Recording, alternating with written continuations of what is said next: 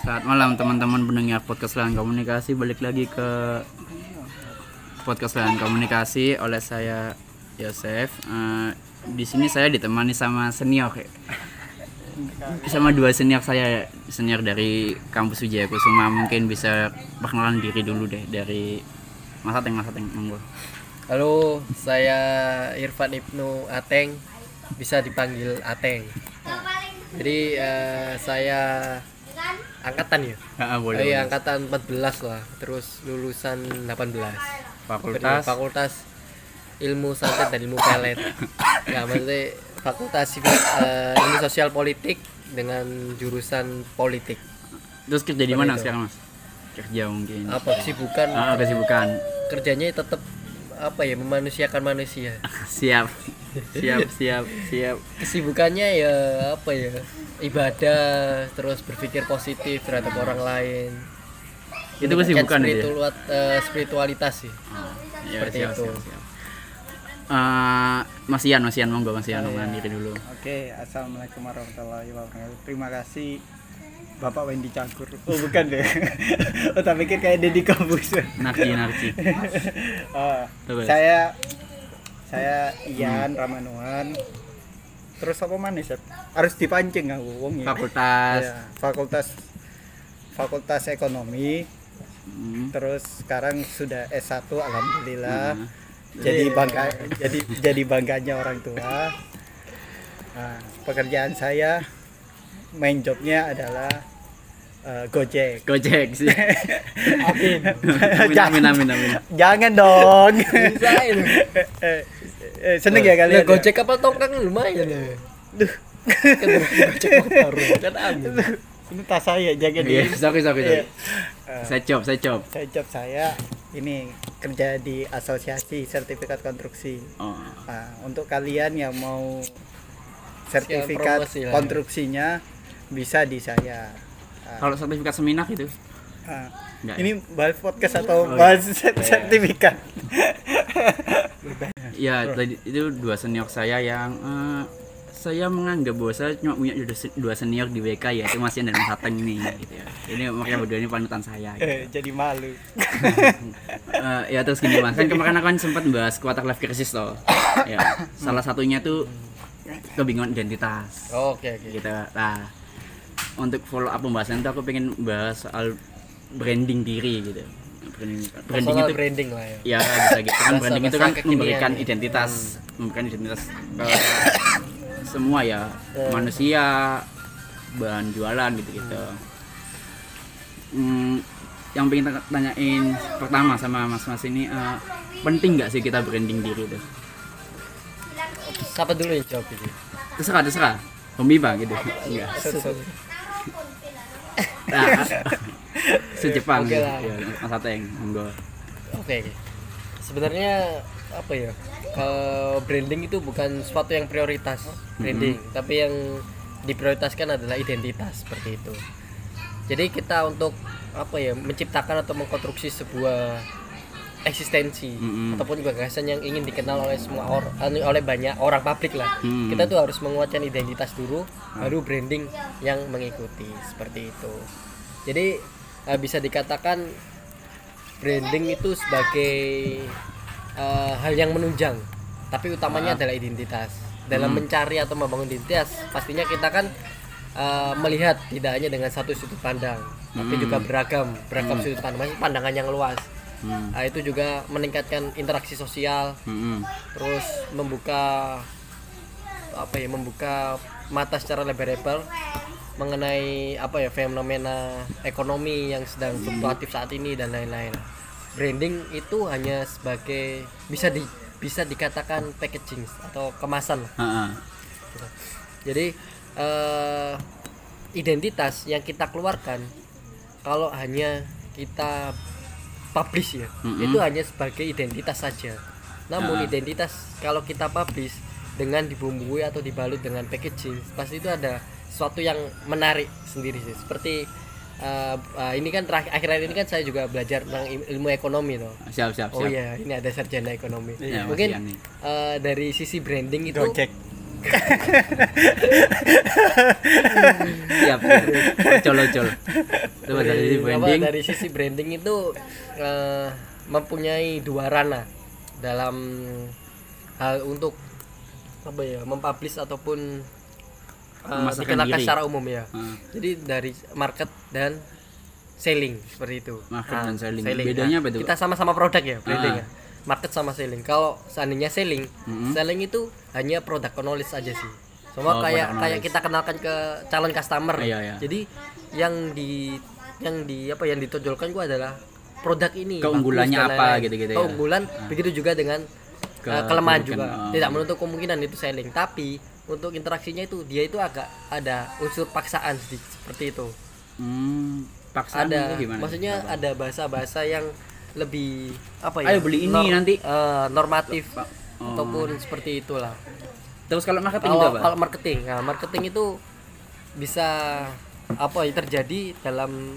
masa penjualan ini itu membutuhkan waktu yang lama Prosesnya Maksudnya, berarti. ah, jadi sebelum sebelum selling kan itu Ah. selling ya penjualan marketing itu kita harus me- apa namanya ya memahami Mengkonsepsi, oh, memahami memahami memahami. customer kalau Ah. customer dulu kondisinya bagaimana apa yang dibutuhkan dan lain-lain itu Ah. contohnya marketing ya Eh, semisal ada program Ah. program marketing Ah. seperti itu ini melalui jalur marketing ya. Ah, jadi program itu ada di suatu apa ya pasar yang besar gitu sih. Mm-mm. Nah besar itu kita juga bisa pilahkan mengenai demografisnya, Oh ya ya. mulai gender cowok berapa, perempuan berapa, terus tingkat ini tingkat apa pendidikan ataupun eh, status sosial dalam pekerjaan. Nah, Ah. itu kan ketika kita sudah memahami Target apa ya target marketnya. mar- masing-masing, baru kita ada selling itu. Dan itu uh, penjualannya itu tidak secara paksaan itu, tapi ada sedikit edukatif dan lain-lain semacam itu. Makanya kayak apa? kayak apa ya? Itu maksudnya kalau kalau bukan penilaian antara lebih baik mana selling ataupun marketing ya. Itu kembali lagi pada uh, niatan kita untuk membranding apa secara personal. Hmm. Soalnya gini, kalau kalau ini di diaplikasikan di orang ya, personal Iya, ya. ah. Kalau selling itu dia hanya mencari eksistensi belaka. Nah, kalau ini bahasa marketing sih Iya. menurut ini. Ah. Eh, menurutku sendiri marketing itu selain dia mencari eksistensi tapi dia itu eh, memberikan nilai-nilai kehidupan Hmm. dan lain-lain seperti Inspirasi itu. gitu-gitu ya, inspirasi motivasi ataupun dan lain-lain Jadi kalau penting saya simpulkan penting gitu ya. Penting untuk branding personal gitu penting. iya sangat penting lah Oh. soalnya untuk eh, menyelimuti identitas kita Ah. ataupun mengemas identitas kita. Terus dari Mas Ian ini gimana nih? sama. Ah, sama. ya ya ya Kita tutup sih. ini, kita tutup. Sekian gitu. ya kalau menurutku sih kalau masalah eksistensial itu tergantung. Itu eh, tujuan kita untuk mengeksistensial itu untuk apa dulu. Ah, ah. Terus manusia ini misalnya manusia punya karakter di- gimana? Tergantung juga dari sifatnya ah. ada memang orang yang senang kebahagiaannya eksistensial untuk egosentrisnya itu adalah untuk dirinya sendiri berarti itu selling gitu. Nah mungkin diterjemahkan kalau di bahasa marketingnya selling ya. Selling. eh, di Mas Ateng Memahami Ya, dirinya gitu ya. Kayaknya Mas Ateng ini produk. fakultas ekonomi ya. Bahasanya. Ekonomi bersatu ya? nah, iya. Nah, maksudku ekonomi bersatu. ya kopol lah jadi kalau kalau misalnya untuk egosentrisnya dia biasanya untuk eksistensial untuk ke egonya. Hmm. Itu untuk membranding ke dirinya. Salah. Belum tentu. Hmm. It- ya kan itu tu- tergantung tujuannya toh. Tapi kayak misalnya di untuk kita ket- kita- ketika untuk kita yang misalnya orang yang tasawuf atau wong Tasawuf itu apa? wong tasawuf atau wong yang marifat yang kebahagiaannya tidak mementing eksistensial kad- kadang-kadang. Pure, pure ya kebaikan lah ya. Nah, pure nilai kebaikan. dia kadang-kadang pure kebaikan dan kadang-kadang dia sangat kontradiksi sama konflik sama tentang kebrandingannya. Ah. ya kan kadang-kadang begitu. Ya untuk apa sih kalau menurutku sih dia juga harus mempunyai hal itu. Karena eksistensialnya dia bisa juga bukan tujuan untuk keriaannya dia atau untuk branding dirinya. Kadang-kadang dia juga eh, eksistensialnya demi edukasinya. Tergantung tujuannya sih. Kalau eksistensial K kita mau menempuh yang mana? Hmm. tapi kan kita menjadi sosok atau menjadi sosok itu kan kita harus juga ego sendiri dulu kadang-kadang. Untuk menjadi branding dulu baru kita bisa mengedukasi orang. Kadang-kadang kita mengedukasi orang langsung tanpa orang tidak tahu branding kita itu juga kadang-kadang jadi miss kita toh. Kita tidak tidak mampu mendelivery mendeliverikan existential education itu. Mungkin menariknya apa? Kita bisa kaji ini lebih dalam kita bisa pecah kita bisa pecah kaji ini tentang soal kayak- branding personal iya, branding ya. personal branding Ah, Oke oke oke. Ah, gini, ah, aku lihat di YouTube gitu ya banyak, misal kayak Raffi Ahmad dia membanggakan soal hartanya gitu. Terus semisal kayak siapa lagi tuh ya Mbak Imong gitu-gitu. Lah aku melihatnya itu sebagai personal branding gitu. Ya. Contoh atau kayak, Uya Kuya membuka ATM, ya kan, membongkar ATM artis-artis. Ah, aku membacanya begini, apa namanya? Itu untuk branding diri mereka agar ketika akhirnya mendapat pekerjaan mereka bisa uh, membudget dengan harga mahal gitu itu kalau aku melihatnya itu sebagai personal branding lah cuma ada uh, kebingungan juga di sini Uh, itu apakah masuk personal branding atau ke, ke pamer gitu mungkin bisa ada lebih Perbedaan tepatnya- gitu ya.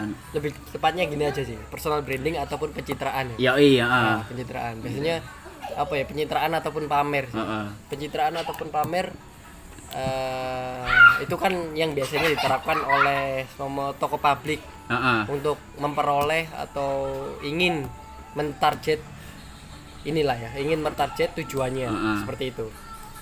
Eh, sebenarnya yang dilakukan oleh para youtuber hal Heeh. semacam itu itu eh, cara cara untuk dia memahami marketnya, market untuk eh, pendengar ataupun pemirsanya seperti itu. berarti masuk ke marketnya Jadi iya, jadi dia marketnya itu adalah market-market yang berpikiran eksklusif, maksudnya Hmm. yang ber- berpikiran konsumtif dan lain-lain. Akhirnya kan eh, hanya tampilan luar aja yang eksklusif, Hmm. akan tetapi dari internalnya dia benar-benar kosong seperti itu. Ini bukan berarti menjustifikasi bahwa eh, followersnya ataupun fansnya tokoh-tokoh publik Hmm. tersebut itu rendah, bukan. Saya saya bukan nilai seperti itu. tapi alay. Salah oh iya iya. Enggak ya. Lo kan Iya, ki- kita tidak pernah iya, mempersepsikan banyak sih, al- banyak sih. al- alay itu rendah atau tinggi. Kan kita tidak mau ya alay kan kanal sendiri kan istilahnya. Mungkin eh, apa ya market ataupun followersnya mereka Heeh. itu belum memahami aja sih. Bukan saya eh, menjustifikasi atau menilai bahwa mereka bodoh ataupun tidak mau ikut mengupgrade ilmu apa itu personal branding ataupun pencitraan seperti itu Nah, sedangkan personal branding sendiri itu sebenarnya ada niatan kita untuk branding identitas Hmm. tapi eh, secara langkahnya Hmm. itu ya hanya mengalir aja sih pokoknya tet- tetap berbuat kebaikan Hmm. seperti itu saling berbagi dan lain-lain meskipun Manusia- kita juga manusia. me- eh, mengutamakan kebutuhan primer dan sekunder kita Iya, dulu iya. toh baru itu dan lain-lain. Maksudnya eh, tingkat eksklusivitas dan kesederhanaan itu aja sih. Kalau lebih ke personal branding itu ya itu wis cara natural aja sih. Karena kan intinya kan identitas. Mm-mm. Ah, sedangkan yang apa ya pencitraan ataupun pa- pamer kekayaan dan lain-lain kan ya ya hanya apa ya hanya me- ya nggak bukan ident bukan suatu identitas aja sih hal kayak ngono itu kalau Mas Ian nih gimana oh kalau aku sih kalau misalnya Apakah ada perbedaan antara personal branding dengan pamer atau ya itu sama gitu? Pamer itu juga beda, termasuk beda. dari personal branding. beda beda beda jadi aku pernah sempat ngelihat instagramnya Sahila Sahila Mucela Sahila Mucela Cewek ya? ce- yang keluarga itu loh Oh. Ah, dia Yang itu mana? kan ada keluarga dia itu kayaknya ada dia juga dia itu kan kerja di radio Heeh. Ya, Penyiar. saya historisnya dulu dia itu Ah. dari radio dan dia ngerti konsep-konsep marketingnya Heeh. nah menariknya dia itu membedah begini ketika KKY KKI. KKY itu kan dia kenapa dia bisa menjadi dia dia membuat lagu guyonan dia dia membuat lagu bu- bukan boneka Hmm. ah katanya katanya yang di YouTube-nya Saila dia tuh ngomong oh, KKY itu berarti orang cerdas Hmm. dia bilang kenapa Sepakat, sepakat. kenapa tahu kan KKY orang cerdas karena dia apa dia tahu posisinya dia dia tahu marketingnya dia dan dia tahu personal Hmm, brandingnya hmm, dia hmm. akhirnya dia menciptakan personal branding yang sesuai kebutuhan pasar Heeh. Nah, mungkin kayak gitu mungkin. Kalau misalnya Raffi Ahmad atau Bayi Mong lah, Hmm. youtuber-youtuber itu dia dia dia tahu pasar atau Andre. Andre Hmm. dengan logika-logika uh, adedoknya ya misalnya logika iya kan guyonannya dia menciptakan itu. Oh, karena saya pelawak. Saya menciptakan youtuber saya menciptakan tahu target pasar. pasar. Antara dia pamer ah, antara pamer dan personal branding ini kan rada tipis. Mm-mm. cuma bukan berarti kita mempro ini logikanya kalau aku tadi mikir itu bukan berarti kita mempersonal branding itu ada- adalah tindakan pamer. Heeh. tindakan pamer atau tindakan Ria. ria itu adalah definisinya adalah tindakan yang berlebih mungkin ketik- Pencitraan itu berlebihan. ya. nah Personal branding itu Nah, mungkin cukup. kalau kalau pencitraan ya akhirnya aku nangkap definisinya. Mungkin kalau dia personal branding dengan eksistensialnya sesuai dengan kebutuhan Hmm. atau sesuai memang dia pekerjaannya, Mm-mm. atau untuk mencapai target marketnya Nah. itu itu bisa nggak dikategorikan ria dong atau Mm-mm. pamer. Mm-mm. Kecuali kalau dia sudah melebihi dari kapasitas targeting pas- pasarnya Mm-mm. atau targeting marketingnya. Kalau dia ngelebih dari targeting pasarnya, dia dari kebutuhannya Mm. dengan tujuan egosentrisnya, dengan egosentrisnya sendiri, Mm. niat memamerkan harta, Mm-mm. ya mungkin itu bisa pamer Mm. untuk mencipta konsepsi masyarakat bahwa inilah aku- aku gitu iya ini loh aku, Ah. bukan bukan untuk targetingnya. Mungkin ngono pembedanya. Mungkin yang aku nangkepin sih begitu. ya, soalnya kan gini apa kenapa aku tanya apa sih bedanya personal branding sama pamer gitu kan Eh, ya saya kan mahasiswa kan mas uh, mas Renga, Mas Ian kan juga pernah di mahasiswa ya Enggak, Ah. saya Lah, di dalam mahasiswa kan itu juga adalah apa itu orang-orang yang akhirnya foto dengan politikus gitu-gitu atau akhirnya menulis menulis karya dan disebarluaskan lewat sosial medianya ya ah itu ya gitu termasuk kita ini. Iya iya kita ini. Nah gitu. Apa namanya? Lah ketika banyak mahasiswa yang ngecek foto-foto dengan tokoh-tokoh politik gitu. Hmm. Lah itu sempat saya kan eh, bergabung dalam organisasi adalah gitu ya. Lah senior saya nih di organisasi pernah mm, memberi penil- penilaian gini. Lah sih foto ambek toko-toko kok sampai dia upload di sosmed gitu loh. Aku lu punya foto-foto banyak Tapi sama toko-toko tapi lu nggak upload alay ah gitu. Lah saya menangkapnya gini gini. Ya mungkin itu bukan pamer tapi mungkin itu adalah apa ya personal branding untuk si yang memamerkan fotonya tuh ya. Ya, ini loh aku aku lo berkualitas gitu loh. Aku lo bisa akhirnya bisa foto dengan tokoh ini karena aku berkualitas gitu. Eh, ketika orang ingin mem, member- apa ya eh, memasarkan dirinya malah dicap pamer gitu atau mungkin ada kebingungan juga soal Mas Ian untuk pengalaman-pengalamannya dari Bahas orang-orang itu. Eh, mengenai foto tadi Ya eh, foto atau misalnya menulis gitu-gitu kan orangnya mem- Ah, mem- untuk memam- memamerkan penulis memamerkan tulisannya. karyanya dari Iya. Ak- tapi malah dicap pamer gitu. Iya, Sok, iya. sok sok pinter ah gitu. Iya, sok aku- sok ngerti saja ah gitu Ah, gitu. aku nih intelektual kan ya. Ah, ah, Dia gitu-gitu. memamerkan aku ini belajar di sini, aku akhirnya menulis dan aku akhirnya update dan aku biar orang tahu bahwa aku nih anak intelektual. Ah, Kayak ah, gitu mungkin, ah. ya kan? Oke. Iya sering sih. Ah, Gitu.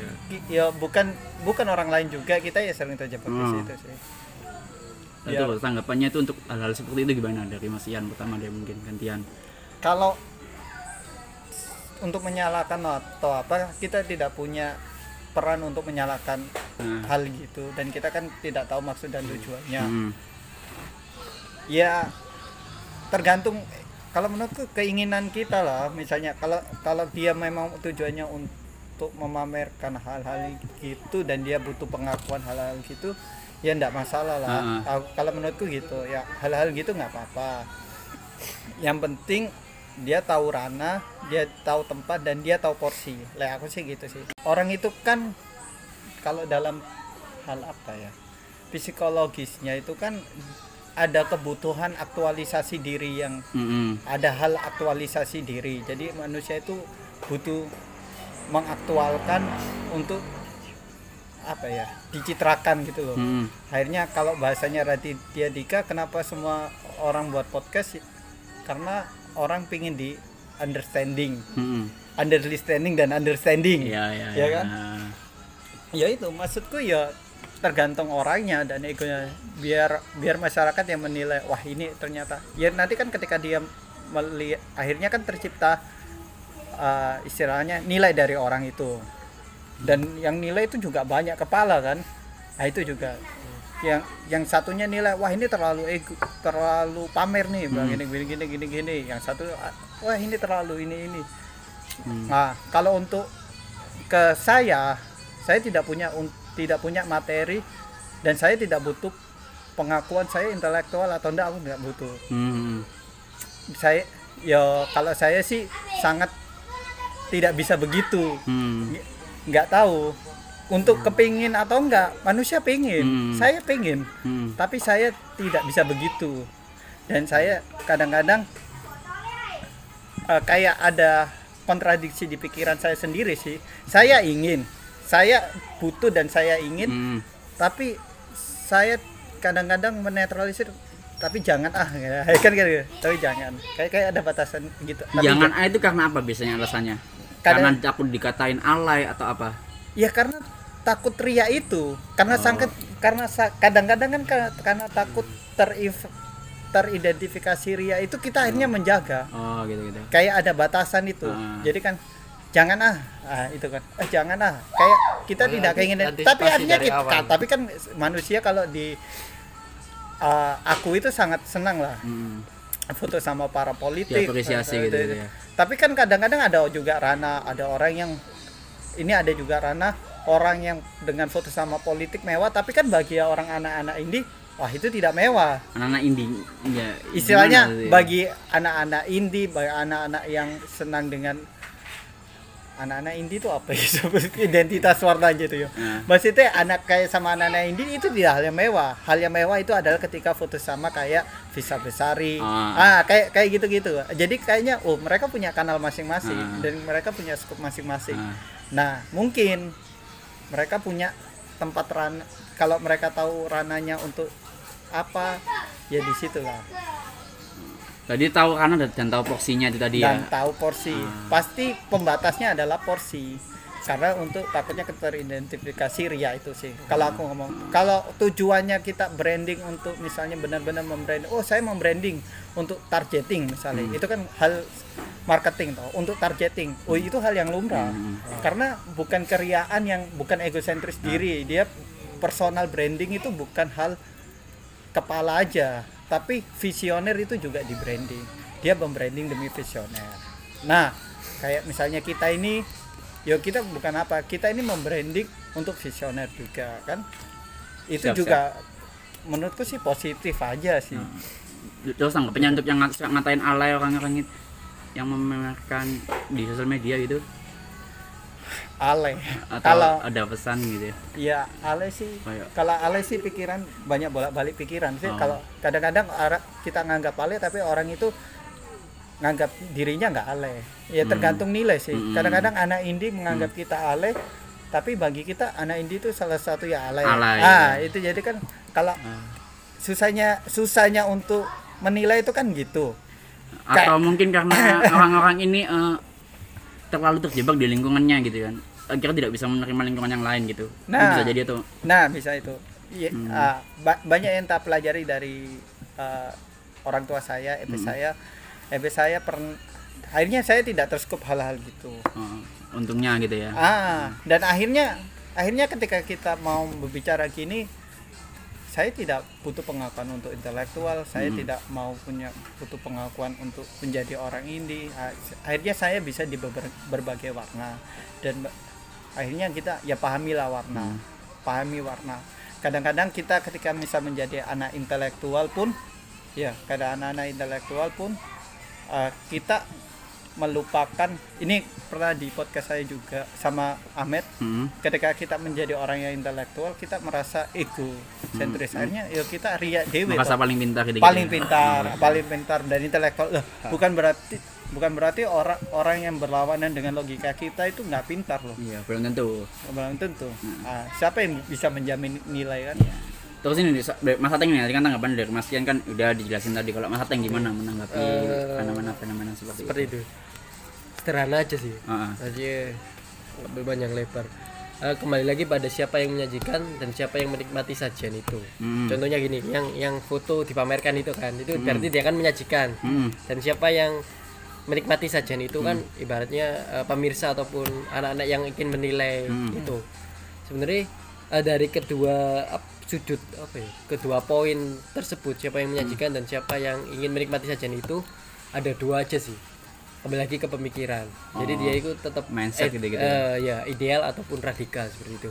Kalau dia memandang sisi, sisi negatif ya yang melihat wah ini nggak nggak masuk ini pamer dan lain-lain. Nah, mungkin bagi saya itu adalah sikap yang radikal radikal nih ataupun ideal ideal kan dari dasarnya kan mempunyai pakem tapi tidak menutup kemungkinan untuk dimasuki eh, yang masuk lain tapi gitu kan ya. ada filtrasi seperti Iya, iya, itu. filter. ya bagi anak yang wis berpikir positif ya wis hal itu wis biasa aja sih. Yang penting kan apa ya kembali lagi pada niat. Nah, siapa yang menyajikan itu? Seperti itu. Kalau niatnya hanya sebagai eksistensi ya wisiku ya juga dibalik rana ini radikal pokoknya wis eh, harus pokoknya harus dan lain-lain. Gak kembali lagi ke kalau idealistik kan kembali lagi dia memahami apa itu makna foto. Sebenarnya makna foto adalah dokumentasi tuh. dokumentasi kan juga tidak perlu untuk dipamerkan ataupun dipublish seperti itu. Ya wes foto kan bisa dinikmati sendiri ataupun orang-orang yang di sekitar ingin melihat foto tersebut tapi ya nggak ada salahnya tau kalau misalnya fotonya itu akhirnya dipublish di sosmed gitu nggak salah Nggak kalau salah. kalau so- saya, saya yang menikmati sajian itu Ah. ya nggak salah Nggak salah. ya tergantung aja biasanya kan ada orang yang berpikir ya itu ya bukan bukan berpikir dewasa ideal lah Mm-mm. ketika ya wis nggak nggak nggak mempermasalahkan hal itu dipublish atau enggak toh besok dengan hasil kerja kerasnya dia malah yang jadi tokoh dan Hmm. menjadi tokoh loh yang di, yang ingin difoto sama Orang-orang kayakmu sama saya yang gitu. sebelumnya yang, yang yang belum mencapai yang, belum mencapai, gitu. seperti itu. Kan an- kan sama aja. Eh, iya gini oh lagi ada Sa- salah satu alasan kenapa sih aku pengen bahas personal branding itu gini eh, contoh misalnya Dimas Yan bilang bahwa aku nggak pengen di aku dari situ gitu ya. Eh. kalau aku mas aku jujur ini aku pengen di aku dari situ gitu. Soalnya apa? Eh, misalkan sekarang identitasku adalah mahasiswa. Nah, setelah mahasiswa aku perlu mencari identitas lagi akhirnya perlu menanamkan eh, identitas di diriku biar nggak ada krisis identitas akhirnya bingung aku ini siapa sih gitu gitu lah lah contoh kayak podcast ini gitu kan Eh, dari podcast ini aku pengen membranding identitasku adalah "Ik- ini loh aku Yosef podcaster gitu Ini, ya ini bajuku. Ah, ini loh bajuku podcaster ini loh. Aku loh punya kemampuan untuk mengarahkan omongan ke sini gitu. Nah. Aku tahu sistematika omongan ketika akhirnya perlu dibelokkan atau perlu dikembalikan ke topik gitu. Nah, Mungkin ada pesan buat teman-teman yang akhirnya ketika sudah memamerkan karyanya, pikirannya atau akhirnya berusaha untuk membranding dirinya itu ketika dihina itu perlu ngapain sih gitu atau tindakan apa sih yang tepat gitu. Mungkin dari mas-mas ini. ya ya itu juga Ah, kan ketika misalnya membuat hal branding itu kan ada sebab akibatnya Heeh. ketika kita mengasih informasi atau mengekspektasikan diri kita ke orang lain Mm-mm. ya Iya, orang lain akhirnya menilai, oh anak ini berwarna di sini. Ah, Heeh. pertanyaannya adalah yang ya ketika kalian selama kalian membranding dan bisa menjawab kayak ya saya saya ingin membranding saya intelektual bla bla bla bla bla bla begini saya itu diikuti dengan soft skillmu dan diikuti dengan memang jiwamu ya kan Hmm. diikuti dengan jiwamu bisa sanggup untuk menghadapi nilai yang di akan dinilai masyarakat itu ya tidak masalah. Mm-mm. tapi kalau kalian bukan nggak mampu ya tapi kalau kalian tidak sanggup untuk menjawab menjawab ekspektasi itu Mm-mm. ya kalian harus pikirkan lagi. Karena ya efeknya nanti ke kita lagi ke, ke kebahagiaan kalian ya kan? Hmm. saya saranku sih gitu aja.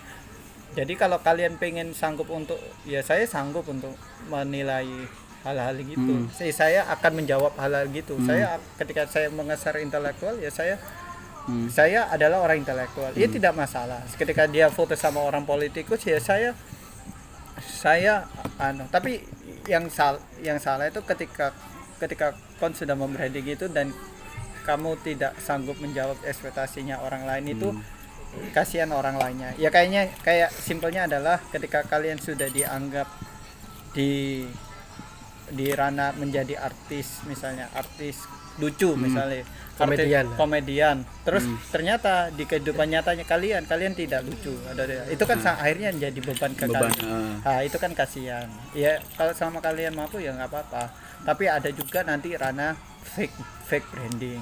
Itu Fake branding maksudnya? fake branding itu ada di wilayah di wilayah seharusnya diri saya indie tapi saya tidak mau membrand saya tidak mau men- menyatakan saya indie. Kadang-kadang dia komedian kadang-kadang dia adalah politikus get Mm-mm. ah iya toh tapi dia tidak membranding dirinya dia politikus. Ada yang ada yang ah akhirnya apa?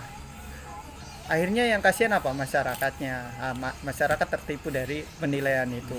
Ah itu kadang-kadang ada. Kalau masyarakat tidak bisa kan kadang-kadang masyarakat menilainya di satu branding. Sek- sekali share satu post itu dia dinilai. Nah, tapi kan kadang-kadang menilai satu post itu kan tidak bisa. Harus kumpulan post itu historisnya baru tahu psikologisnya orang itu.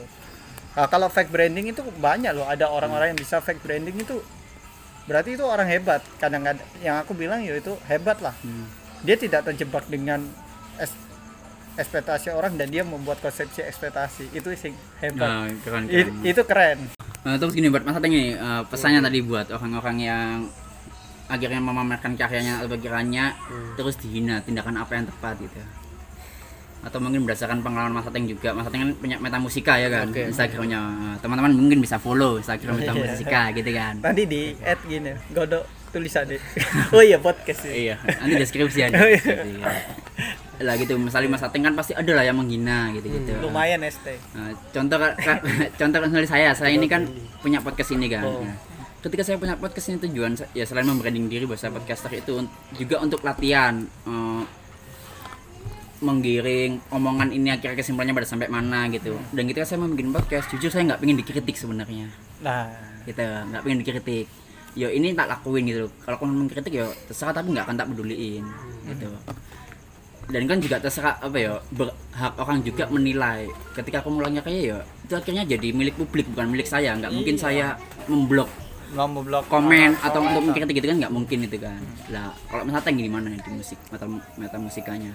Eh, sebenarnya apa ya followers kan bisa dibagi dalam dua, dua jenis tuh Ah, nah itu yang benar-benar dia penikmat ataupun pembenci atau haters itu ah, ah.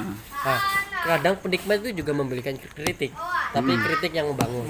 Beda dengan Pembenci. haters atau pembenci. Dia itu apa ya lebih kata mencemooh sih mencemooh.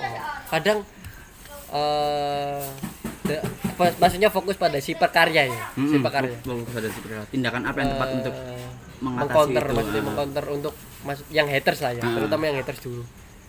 Tindakan untuk yang haters yo kembali eh, dikembalikan pada sisi pandangan haters sendiri. Biasanya kan haters kan tidak menikmati karyanya tapi Hmm. hanya sebatas melihat. Dan dia su- sudah eh, terkesan atau atau memastikan berpikiran negatif ataupun berpikiran keterbelakangan bagi si pekarya. Jadi dia itu tidak memahami karyanya. Ya wis lebih fokus dalam fungsi Ah. karyanya seperti itu aja sih. Bagi si pekarya untuk mengcounter haters seperti itu. Yang apa ya yang menjelek-jelekkan ataupun mencemooh. Ya wis maksudnya ke- ketika kritik akhirnya kita kan bisa filtrasi tuh oh berarti ini kritik yang membangun. Ya Terus kita masukkan. Hanya sebatas kritik biasa yo yo kita tidak tidak berupaya untuk menolak. Ya wis biarkan aja sih. Seperti itu. Atau kecuali dia mencari-nyari kritika itu baru beda lagi. Mencari-cari kritikan dengan tujuan lain kan ada kan? Maksudnya itu kan gimana? ada juga sih. Em, ini semua mau ngobrol tentang kritik ya. Iya. aku juga percaya tulisannya apa ya lali aku Res. Sujubo Tejo oh lali lali jadi matinya seorang kritik Ah. eh, matinya seorang kritikus cerpen ya Ah. Lah gitu aku terakhir ini bahas kritik ini kan. Katanya kan kritik membangun gitu. Iya. Semisal aku eh, menempatkan diri menjadi seorang Kritik. yang mengkritik gitu kan. Aku nggak ngerti kritik yang membangun itu bagaimana gitu loh. oh. Gitu. oke oke oke. Dan akhirnya ketika akhirnya dibatasi bahwa kan kalau mengkritik harusnya membangun bos. Dia nggak bisa bos gitu. Soalnya aku bangga begini, kritik itu kritik. membangun atau enggaknya itu balik lagi dari yang si penerimanya gitu. Semisal sampai mengkritik aku kan lu saya gini gini gini gini. Mungkin sampai tujuannya memba- membangun tapi menurutku itu nggak membangun gitu. Oh, jadi kalau kritik membangun atau enggaknya itu tergantung dari si penerima kritiknya itu bisa dia belum menjadi memfiltersasi memfiltersasi men- tadi gitu. menjadi kritikannya itu batu bata membangunnya oke. atau Nah, soalnya jatuhnya kalau misalnya akhirnya memaksakan orang untuk kritik membangun akhirnya kita membatasi kritik juga tuh. Mem- membatasi pendapat juga gitu.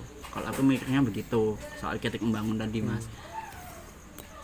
Itu mungkin ada pendapat lain soal gimana sih atau kasih aku pendapat baru. Kita membangun tuh nggak gini loh saya gitu. Ya ka- ya kalau kalau aku sih sepakat sama Ateng jadi kalau misalnya wilayah wilayah misalnya gini sebenar untuk mencari keobjektivitasnya Ya. ini benar-benar kritik yang membangun atau enggak ya Ah. jadi aku melihat jadi kalau dia tujuan dia ngeli jadi se- kan kadang-kadang orang terjebak sesalah-salahnya orang yang kita sayangi kita akan membenarkan dia tapi Hmm. subjektif lah. ya sebenar-benarnya orang yang kita benci itu pasti akan apa?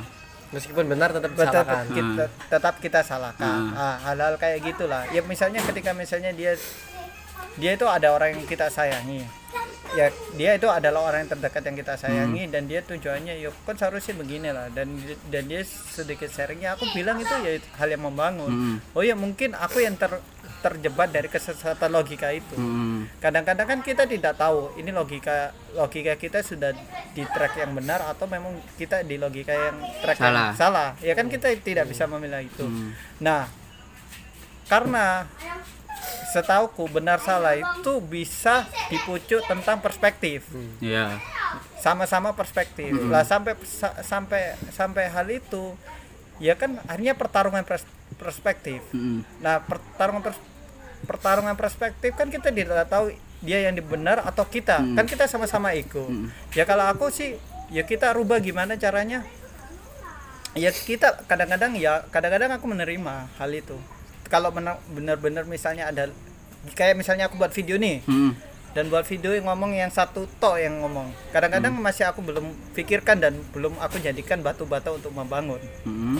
dua orang masih belum karena yo ini masih pertarungan ego perspektif Hmm. tapi kalau misalnya 9 sampai 10 orang ngomong ya itu salah lah gitu kan ya itu salah oh iya baru aku Bahwa akan kita mau- sangat diri, mau iya mau sangat mempertimbangkan Oh. karena kalau misalnya satu atau dua itu kadang-kadang yuk banyak kepala masih ah. Hmm. maksudnya masih pertarungan perspektif kita kan ya, ya ini kan keinginanku dan ini ke- keinginanmu ya kita masih belum lah Hmm. masih masih belum tak jadikan pembangun. Ya dia tidak salah.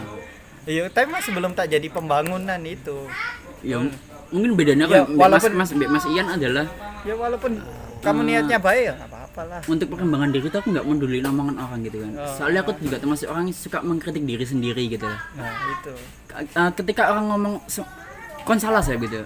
Ketika aku mengkritik diriku sendiri ternyata tetap betul kok ternyata tak lakuin. Ya sudah gitu. nah itu kan jadi tak- perubahan benar dan salah yang tak lakuin adalah menurut kritik dan solusi Logika dari pikiranku sendiri Nah itu. Gitu. Tapi kan kamu tidak pernah tahu logikamu itu adalah ditentu benar atau salah. Iya, Sam- makanya tuh kenapa aku sampai hobi mengkritik diri sendiri Iya, itu itu. Sampai kamu menjawab dengan kritikan itu toh. Hmm. Sampai menunggu jawaban kritikan itu. Mm-mm.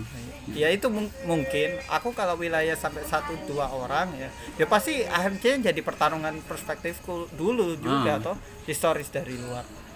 Maksudku ketika misalnya memang 10 fix deal dan ngomong aku salah, ya aku yang akan meredam ego perspektifku. Heeh. dan aku yang harus ngerubah. Itu sangat kelihatan. Tapi kalau misalnya satu atau dua masih pertarungan perspektif aku masih belum bisa menerima. Karena keinginannya orang itu juga beda-beda. Nah, ya, ya karena di situ juga aku aku pengen hidup yang enggak iya, yang harus mengikuti apa keinginan orang atau ekspektasi gitu. iya iya. Karena kita masih keinginan yang berbeda-beda Nah, kalau Mas Ateng tadi gimana? Kritik soal- yang membangun? Kritik membangun tadi mungkin dilanjutin.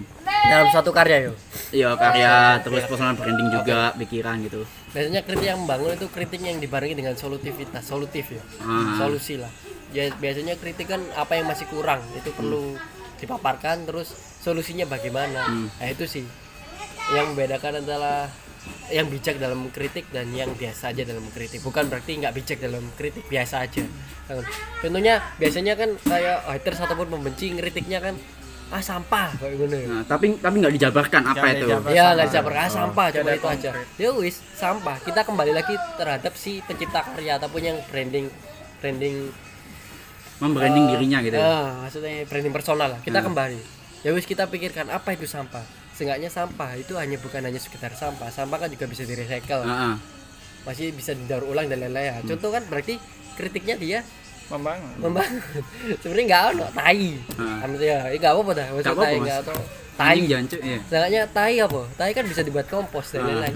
Ambil ininya aja. Ya, eh, berarti kalau misalnya kritik tanpa solutif itu bukan kritik membangun Itu kembali lagi pada kalau saya sendiri Ah. oh, tai sampah. Oh, berarti itu kan mengatai Ya, bukan mengatai. mengkritik mengatai tapi kan seenggaknya sisi positifnya meskipun dia ngomong tai tai kan nggak hanya sebatas tai itu ataupun kotoran tapi juga ada sisi untuk dibuat menjadi kompos Yus, diambil hal baiknya aja sih Berarti kembali lagi dari si recycle, pekarya dan- gitu ya? iya kembali lagi sih sangat positif ya. Anda ini sangat berpikiran positif terus. Eh, selalu meditasi. Sel- selalu melakukan yoga di pagi hari mungkin. Untuk apa? Spiritualnya oh tadi iya ya. jadi pikirannya positif terus. Oke, sama ini mas, Eh, soal kritik apa harus ada solutif gitu. Eh, kalau aku berpikirannya begini sih mas, maksudnya, eh, ya aku mungkin mengikuti definisi dari siapa tuh namanya? Rocky Gerung gitu ya. Bahwa kritik itu eh, menyelesaikan masalah gitu kan. Sedangkan untuk memberikan solusi itu bukan tugas dari si mengkritik, tapi si penerima gitu. Hmm. Lah, semisal kita mengkritik eh, presma presma siapa gitu ya, atau kita mengkritik orang Politikus gitu. siapa. Ya, cep- atasan kita gitu. Lah, semisal saya akhirnya memberikan solusi, kamu mundur aja gitu. Apakah bisa diterima gitu ya? ya kan tergantung yang pengkritik kayak misalnya yang menerima kritik lah Nah, enggak ini poinnya di solutif gitu loh. Kalau misalnya yang solusi berikan adalah kamu mundur aja kamu nggak pantas ya gitu kan. oke oke oke karena Iya. kan kan. Nah, karena ya karena masalah kritik begini begini begini begini begini gitu loh. Lah maksudku eh, jangan batasi orang mengkritik bahwa harus ada solusi gitu loh. Cum, yo, ya kan gitu. Iya kan, iya kan akhirnya bisa jadi solutif. Kalau menurutku gini, yo bagus. Misalnya, oh, ini bisa jadi solutif kak. Tapi Hmm. kan itu kan nanti kembali ke pikiran kita sendiri toh. Itu kayak hal eksternal tiba-tiba kita terima ya toh. Itu menjadi bahan pertimbangan kita. Internal gitu ya. Iya, menjadi internal kita punya, kita menjadi pertimbangan kita sendiri. Hmm. Apakah benar dengan kenyataan yang dia kita lakukan? Kan kita kadang-kadang kita tidak ngerti kita ini berbohong atau enggak, Hmm. kan kan misalnya. Tapi orang lain kadang-kadang menangkap lu kami sering berbohong ya. Hmm. Oke kan ya. Oke kan ya. Oke, berarti aku harus meng meminimalisir hal guyonan iki. Kayak misalnya begitu kan. Akhirnya aku terima, accept kan accept apalah bahasa Inggrisnya. Akhirnya aku menerima hal itu karena ternyata kenyataanku sikapku terjalin begitu. Ah. Ah ya kan. Ah mungkin kalau it- itu ya kan terserah kita Ki- itu walaupun kadang-kadang dia sudah solutif Hmm. kadang-kadang tidak sama dengan kenyataan kita ya akhirnya kita tidak karena akhirnya alasannya tidak menjadi solutif. Akhirnya miss dengan jadi kadang-kadang dia salah pandang berarti. Berarti miss miss salah pandang. Iya, soalnya apa? ya, Kalau misalnya akhirnya kita memaksakan orang yang mengkritik harus memberikan solusi akhirnya. Ketika kita memberikan masalah ya masalahnya dan kita eh, nggak memberikan solusi kita akhirnya dinyatakan bahwa kan nggak punya hak untuk memberikan kritik. Kan nggak ada solusinya soalnya wah itu Padahal uraian masalahnya itu benar-benar sesuai analisa yang benar gitu loh nah itu. akhirnya analisa yang benar itu tidak tersampaikan karena karena kita ada solusi gitu ya jangan jangan sama ya kar- nah ja- jangan ketika misalnya ada ada tempo kejadian pertama terus dia tidak bisa memberikan solusi terus dia ke solusi ke- dia memberikan solusi Hmm. kedua kita sudah tidak menerima kok lu bolak balik solusi kita nggak menerima eh bolak balik solusi ternyata tidak Nyampe, di- tidak nggak- nyampe ke pas, kita. akhirnya gitu ya. ketika keempat yang benar kita tetap menolak. Ah, itu kita akhirnya egosentris di situ. Hmm. itu hati-hati ah, akhirnya apa? Ya kita tersesat logika kita sendiri. Kita yang tersesat logika. Dan itu susah. Kita menunggu itu susah. Itu sampai berapa tahun? Sampai berapa tahun sampai kita mengerti sampai diri kita ngerti oh iya aku salah. Itu susah kalau kita tidak menerima hal itu saya bang Sateng di soal gitu ketika soal solusi yang gitu kritik harus Ah. dibarengi dengan solusi ah, gitu. Semisal eh, Mas Ian tadi mengkritik aku gitu. Podcast semua elek sep gitu. Gitu kan. Terus sampai Mas Ian ngasih solusi, mendingan berhenti wae gitu. Kan itu kalau kata aku menurutku itu juga bukan salah satu kritik yang membangun juga. Akhirnya aku membatasi Mas Ian bahwa kan aja kritik aku masa nggak ada solusi gitu. mengenai kritik yang diharuskan dengan solusi Ya, berarti yang kayak tadi kan antara sebenarnya apa ya yang langsung penilaian langsung biasanya sol, kembali lagi ke solusi tuh solusi kan apa ya bisa jadi kayak eh, jawaban untuk mengurai permasalahan Ah. kayak ngono biasanya kamu guys kayak wis final lah mau Hmm. final kamu mundur atau kamu tidak us kamu tidak usah membuat podcast lagi Mm-mm. Oke. sebenarnya itu apa ya, bukan bukan bisa dikatakan bukan solusi dan lain-lain sih. Atau mas Ateng apa ya? eh, kan mas Ateng kan punya meta musika tadi Eh, dah eh. apakah mas Ateng membatasi orang-orang yang mengkritik eh, apa namanya karya mas Ateng di meta musika itu harus Eh. ada solusi atau enggak? Gitu. Ya enggak ya bebas lagi Oh, bebas lagi. ke kalau adanya proses apa kritis dibarengi solusi ya monggo Hmm. hanya hanya kritik aja ya. Ya monggo. Ya monggo itu. Tapi tapi ya jangan tapi ya, kalau kalau seandainya yang menyuruh bubar aja dan lain-lain itu solusi. Ya itu menurutku bukan solusi sih. Tapi apa ya, ya, ya, ya seruan ya seruan untuk iya menyuruh. Bukan bukan solusi tapi seruan. bukan kritik gitu. I- itu suruhan. Ya itu berarti kan kritik kan antara setuju beda loh kritik antara setuju nggak setuju. Be- bedanya gimana bedanya? Biasanya ah ya persetujuan sama kritik itu kan beda. Kadang kan ada orang yang eh, setuju tapi dia juga memberikan kritik. Iya alasan lah dan lain-lain. Ada yang tidak setuju dan memberikan alasan. Contohnya gini ketika kita mempunyai sosial media Instagram lah Iya. ketika kita banyak like kita itu tidak bakal murung. Tapi ketika kita memba apa banyak komentar loh seperti itu. Kita itu murung. mesti ada rasa murung loh. Meskipun komentar jelek ataupun baik. Kenapa tiap followers nggak memberikan like dan alasan kenapa dia suka dengan like itu? Ah. nah itu mungkin yang bisa dianalogikan lah ya mengenai kritik dan solusivitas mau ada fotomu ya? Tak like. Wah aku suka fotomu karena ini ini ini di setiap komen seperti itu. Kenapa tidak harus menyertakan itu mungkin bagiku untuk pemakai Instagram hal anti mainstream juga sih ketika nge-like memberikan alasannya juga ketika Ya. tidak suka dan memberikan alasannya juga oh bagus itu Terus Kayak- ya, aku aku pengen kita- ini aku. Apa namanya pengen berbagi so- sama Sateng ini kan. Sateng kan punya apa namanya meta musika ya kan. Eh, Terus aku punya podcast ini lah komunikasi gitu. Eh apa namanya? Kan kita percaya bahwa kita ketika kita menciptakan karya, kita pengen diapresiasi. Iya. Nah, gitu. Eh, makanya podcastku ini aku bagi dua konsep. Pertama, ya aku ngerti dia juga Mas Mas Ian mungkin pernah ceritain apa yang pengen orang dengar sama apa yang pengen kamu omongin gitu. Iya. Kalau misalnya aku tadi bilang aku seneng-seneng tok gitu. Gitu. Ya enggak juga gitu. Eh, kalau misalnya aku lebih mengutamakan apa yang pengen aku omongin ketika nggak ada orang dengar ya kayak kan tadi. juga stres juga tuh mas Lah gitu. iya. Makanya aku mengimbangkan dengan apa yang pengen orang dengar gitu untuk eh, mengatasi kejenuhan itu juga Ya. gitu gitu lah kalau misalnya itu bagaimana soal mengkonsep meta musika gitu gitu apa ya mungkin pasti- akhirnya aku dapat pembaruan ilmu gitu untuk Ateng kan kita, lagi. kita lihat kan konsisten Ya. banget tuh di meta musikanya gitu sebenarnya yang pertama maksudnya kita harus kita harus laras antara produktivitas dan meningkatkan branding tersebut Mm-mm. semua produktivitas kita eh, kembali lagi, eh, nggak nggak hanya memikirkan tentang apa itu namanya eh, hal yang banyak dan kualitas apa kuantitas, Kuantitas kita tidak kualitas. kita tidak hanya me- me- membuat kuantitas hanya Hmm. kalau seandainya kita mengejar kuantitas akhirnya kan jenuh juga Mm-mm. dari pihak pasar Mm-mm. kalau kita kualitas itu kan pasti yang dinanti-nantikan juga Mm-mm. untuk masalah posting dan lain-lain, Hmm. tapi juga tidak mengalami keterlambatan dan kemajuan seperti itu sih. Itu yang dari segi produk ya, dari segi produk kan termasuk produk dong. Hmm. iya karena Dari yang segi penikmat produk itu dikembalikan lagi. Itu kan ada musisi dan penikmat musik, Hmm. statusnya seperti itu sih.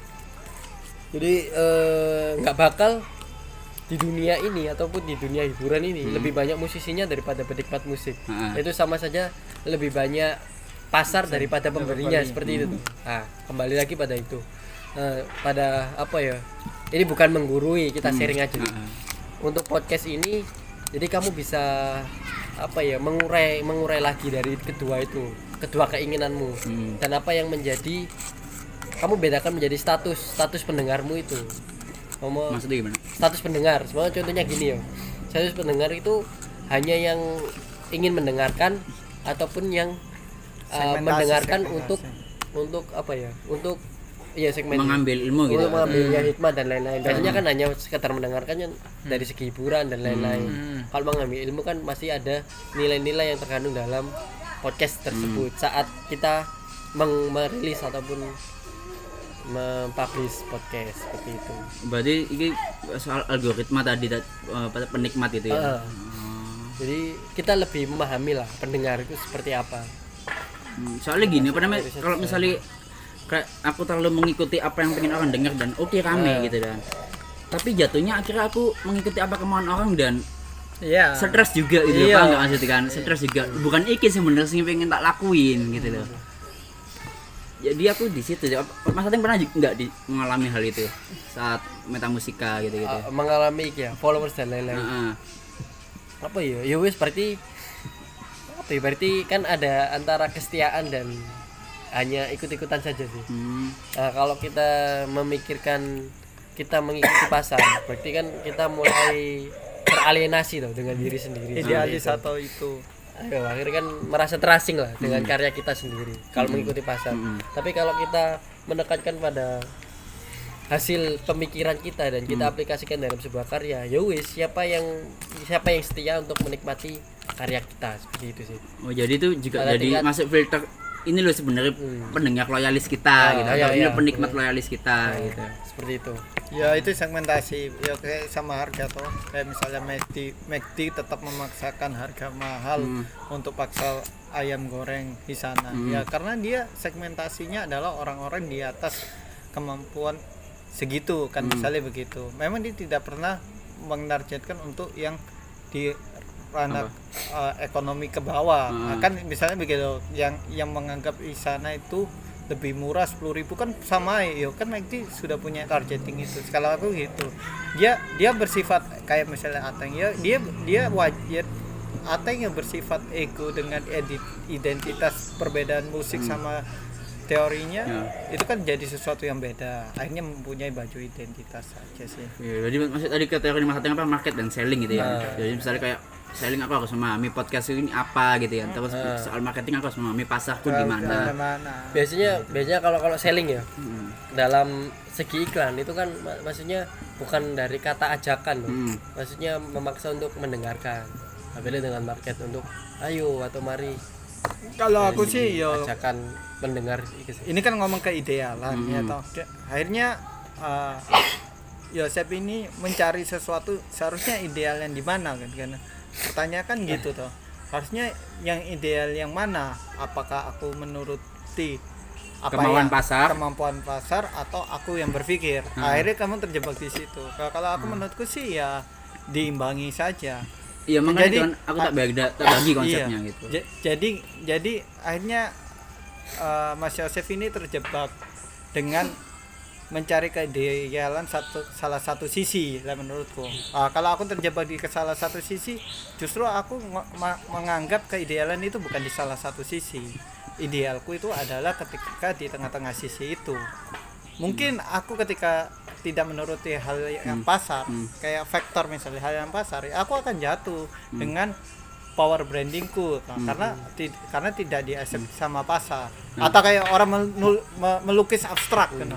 dia menganggap oh saya adalah orang yang berbeda gini. Tapi kalau selama karya kita juga tidak diterima di pasar ya kan gitu kan ya kan ya berarti abstrak kita tidak bisa delivery dong. Ya untuk apa kita berkarya juga? Kadang-kadang Nah, gitu. Iya iya gitu. Seperti eh, aku juga Ya, pernah kalau- terjebak di situ gitu loh. kalau Dan aku akhirnya aku berimbang saja.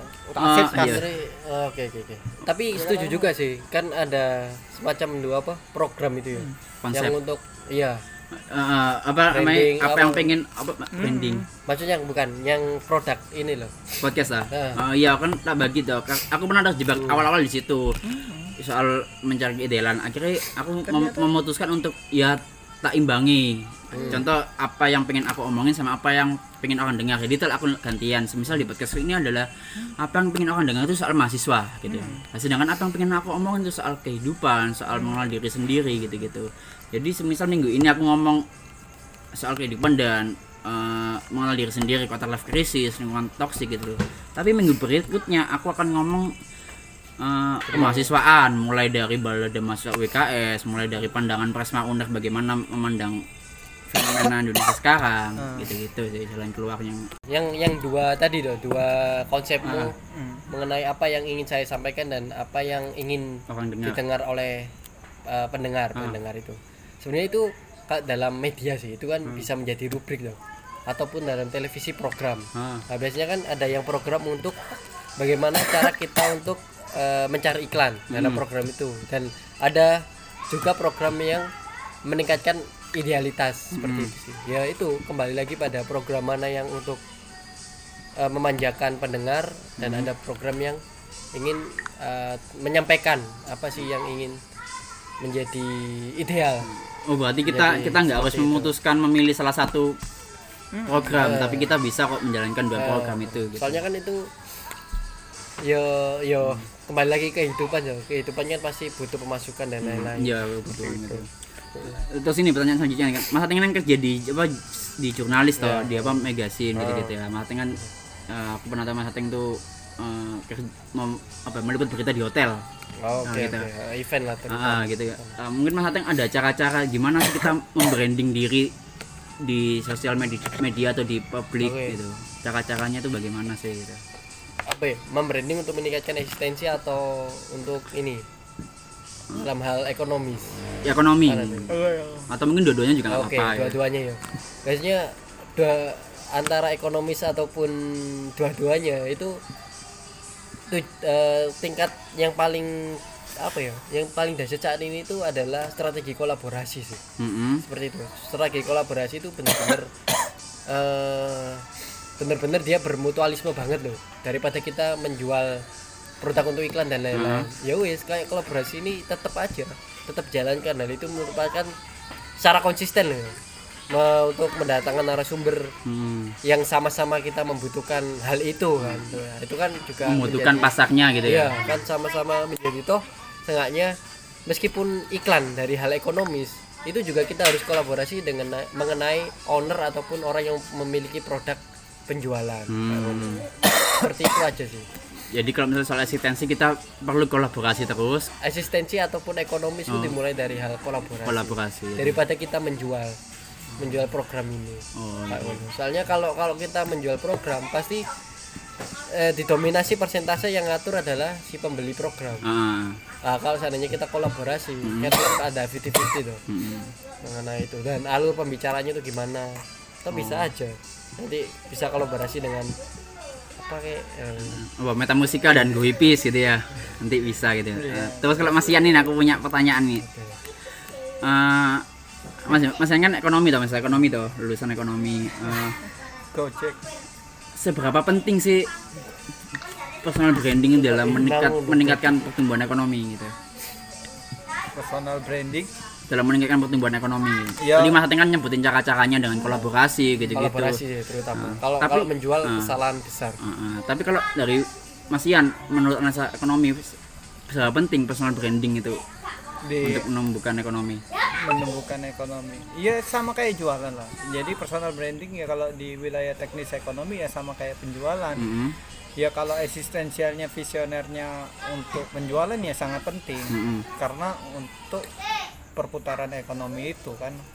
Jadi bagaimana orang mau membeli walaupun seenak-enaknya kalau di konsep teori ekonomi ya ya ya apa kita mau ngasih tahu orang gitu loh walaupun produk kita enak sekali kan loh Mhm.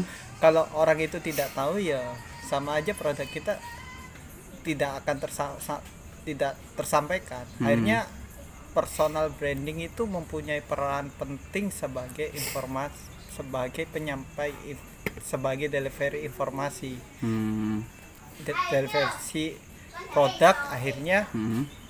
untuk peningkatan eh, ekonomi, ekonomi penjualan ya. penjualan itu. Ya sangat penting lah karena ya itu. Dan sebagai apa istilahnya spotlight toh. Jadi sel- se- semakin dia terkenal Hmm. spotlight yang dia jangkau dalam hal eksistensial semakin lebar. Hmm, tapi kalau dia tidak terkenal ya ah, itu kan akhirnya fungsinya viral itu kan begitu. Akhirnya orang mengin, sangat mendibido viral kan kayak begitu. Hmm, semakin dia viral ya semakin jauh skopnya. Hmm. semakin jauh dan semakin lebar skopnya. Mungkin sampai internasional. Cuma akhirnya kita perlu memikirkan bagaimana sih mengendalikan itu semua gitu ya untuk Hmm, ya kayak ya akhirnya kalau itu di tatanan personal wilayah personal tuh. Tatanan personal. Di tatanan ke pemerintahan global dan eh, personal brandingnya juga ya. Bagaimana Ya, Amerika tahu kalau kalau Indonesia ini mempunyai hal yang sangat istimewa kan berarti kan ya Indonesia butuh membranding itu Ya, misal mau- Mas Ya, iya, gitu jadi ya. nah, akhirnya kan eksistensial visioner yang makanya. dituju kan. Jadi dia mempunyai eksistensial visioner. Jadi jadi bukan untuk egonya untuk diakui, Hmm. tapi adalah visioner untuk menyampaikan informasi itu. identitasnya gitu. Identitas itu. Branding Gimana, kan branding kan tidak hanya dalam segi ekonomi. Nah. nah sosial kan juga butuh branding apalagi politik dan lain-lain juga butuh branding. Ini yo belajar personal branding menurut dari dari saya sendiri itu tokoh ekonomi sih. Tokoh ekonomi pebisnis namanya Richard Branson. Kurang jadi, tahu itu gimana jadi gitu. Richard Branson itu orang yang pemilik Virgin ini Oh. Virgin itu ada beragam grup sih grup. Tapi dia lebih tepatnya ke akomodasi. Hmm, hmm, jadi penerbangan kapal pesiar hotel dan pri, apa pulau pribadi dan lain-lain. hmm. Terus? Apa namanya Sir, si apa Richard Branson ini dia itu memiliki branding mengenai produknya dan branding dirinya sendiri. Seperti itu. Biasanya kalau pengusaha kan dia lebih menutup diri mengenai pribadinya. uh, menutup diri mengenai perkembangan usahanya loh. Biasanya us, usaha usahaku aja tak branding aku nggak usah lebih memilih di balik layar dan. Nah, semacam Richard Branson itu enggak. Dia beda. Dia itu ingin uh, berjalan selaras loh. Hmm. usahanya jalan branding personalnya dia, dia juga jalan. Terkadang dia juga turun ke lapangan untuk membantu market loh. Membantu memasarkan dan lain-lain. Dengan cara-cara yang pastinya unik. Coba aja lihat series apa di IG ataupun apa si YouTube Richard gitu Branson. ada gitu ya? Iya si Richard Branson.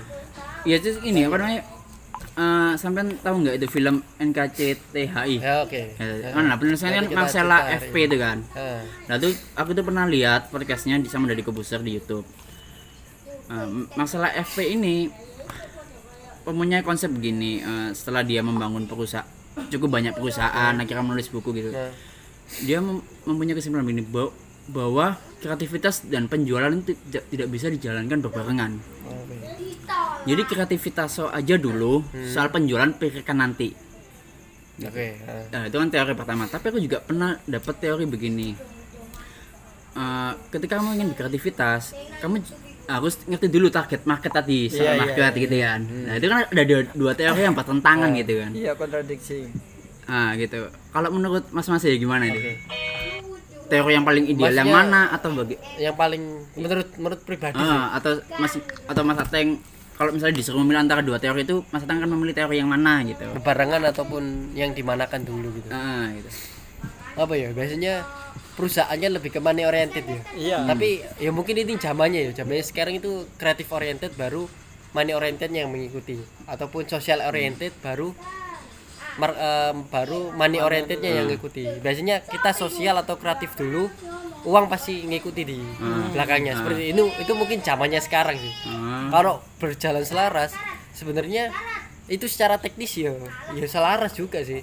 Soalnya kan saling-saling ada ibaratnya kayak subsidi silang gitu loh. Ah, ah. sama kayak penjualannya jalan. Hmm. kan tetapi kreativitasnya ini mampet.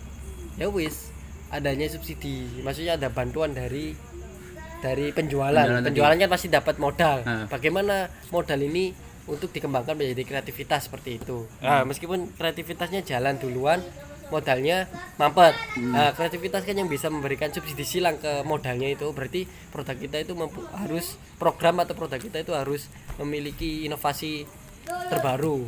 Mulai dari bentuk kemasan dan lain-lain. Nah inovasi kan lahir dari kreativitas. Sebenarnya sama-sama saling memberikan ibaratnya subsidi silang lah seperti itu sih Tapi kalau soal mana yang lebih yang perlu didahulukan itu Kalau nggak bisa gitu ya. bukan bukan didahulukan ya yang menjadi dasar sih Oh, yang menjadi dasar. ya bukan dahulu sama dasar kan beda tuh Oh iya ya. Ah, Ya maksudnya Yosef itu yang mana yang lebih berfundamental? Ah, Iya. gitu. Yang ma- ketika Yang misal mana? eh, Mas Ian ini bikin karya gitu kan. Tadi kan ada dua teori, kreativitas dulu, Atau- penjualan terakhir. Terus teori selanjutnya adalah ketika ingin berkreativitas itu kamu juga harus tahu gimana pasti sosial ini lagi trennya apa gitu ya. Kalau aku sih kal- kalau kalau wilayah gitu sih aku mending kreativitas dulu sih. Kalau kalau aku ya, kalau untuk misalnya reliabelnya ya aku mencari kreativitas dulu untuk mencari identitasku menurut. Hmm. Kalau kalau misalnya ternyata ti- kreativitasku tidak kuat ya ba- baru aku barengi dengan ya tentang ekonomi dulu tren apa yang lagi iya in gitu-gitu ya iya maksudnya akhirnya aku akhirnya mencoba bersintesis lah dan tidak menjebak ar- mana yang berfundamental kan gitu kan Hmm. karena ya bisa menjadi positioningnya dua itu ya bisa menjadi fundamental di uh, momentum Hmm. Hmm. sama sama itu kalau menurutku sih begitu tapi untuk awal untuk melangkah ya yang paling penting pen- dasar. yang dasar ya men, uh, aku tidak mengincar money oriented dulu. Aku mencari identitasku dulu oh itu iya, kreativitas soalnya kan juga jadi salah satu ketakutanku gini eh, ketika kita mengutamakan kreativitas dan itu nggak sesuai dengan target pasar atau itu nggak lagi in akhirnya kan jenuh juga gitu loh Iya, akhirnya aku- akhirnya merasa rendah diri hancur ternyata aku nggak diterima Iya. gitu Ini awal di luar teknologi ya. Di luar teknologi kita membicarakan di luar teknologi itu tidak ada sesuatu yang baru, tapi semuanya itu diulang. Kecuali teknologi lah ya. Mm-mm. Tahu maksudnya? Ngomong kita menciptakan karya ya. Ah, Dalam era saat ini tuh karya kita itu bener-bener nggak diterima oleh pasar. ah, Tapi pasti kan di dunia itu nggak ada sesuatu yang baru, semuanya itu pasti berulang. Berulang, Tapi kita nggak tahu beberapa dekade ataupun abad selanjutnya, Hmm. meskipun kita nggak nggak menikmati secara hidup ya, karya kita juga pasti di- di- digunakan seperti Hmm. itu. Soalnya di luar teknologi, mau lagi dunia itu tidak ada yang baru, semuanya itu berulang. Contohnya dari fashion, Hmm. genre musik atau genre film ya, semuanya kan kembali lagi ke era Fashion style 90s, gitu-gitu ya, ya. ke era 90s. Karena itu, kecuali teknologi, kecuali teknologi. kalau berarti kita kita kita beraktivitas eh berkreativitas jangan dulu ekspektasi bahwa kreatif kita kreativitas kita akan diterima gitu Nah, seperti itu. mungkin bukan Soalnya- bukan saat bukan ini, ya, karena kan tidak ada yang baru. Ya mungkin karena kamu memilih fundamental itu karena ketakutan untuk yang accept di mana yang diterima itu yang di mana. Ah, ah, ah, ya gitu ya. karena ada ketakutan ketakutan itu. Buk- jadi akhirnya kamu melupakan wilayah yang benar-benar menjadi fundamental itu yang mana kan gitu. Tapi kalau misalnya itu jadinya memang kamu untuk money oriented ya mungkin jalur yang paling bagus memang jadinya ya kalau injernya money oriented tidak mungkin kan mencari identitas loh hanya di bukan di wilayah mencari kreativitas pasti di wilayah tapi mengikuti tren apa yang iya, ada gitu ya. bukan di trennya apa tapi di Hmm. teknis ekonomi dulu untuk memangsarkan cepat dulu. Baru. Soalnya kan maksudnya aku kenapa sih aku diskusikan kan itu jadi Dilema. permasalahan bagi tiap-tiap iya. kreator karya kan gitu kan. Iya. itu akan terjadi akan menjadi itu. akan terjadi Ya, eh, oke eh, mungkin segitu dulu obrolan kita soal personal branding. Eh, buat teman-teman terus dengarkan podcast lawan komunikasi. Mungkin ada yang ingin bertanya atau ingin menyampaikan cerita bisa kirim di email pot lawan komunikasi sekian dari saya selamat malam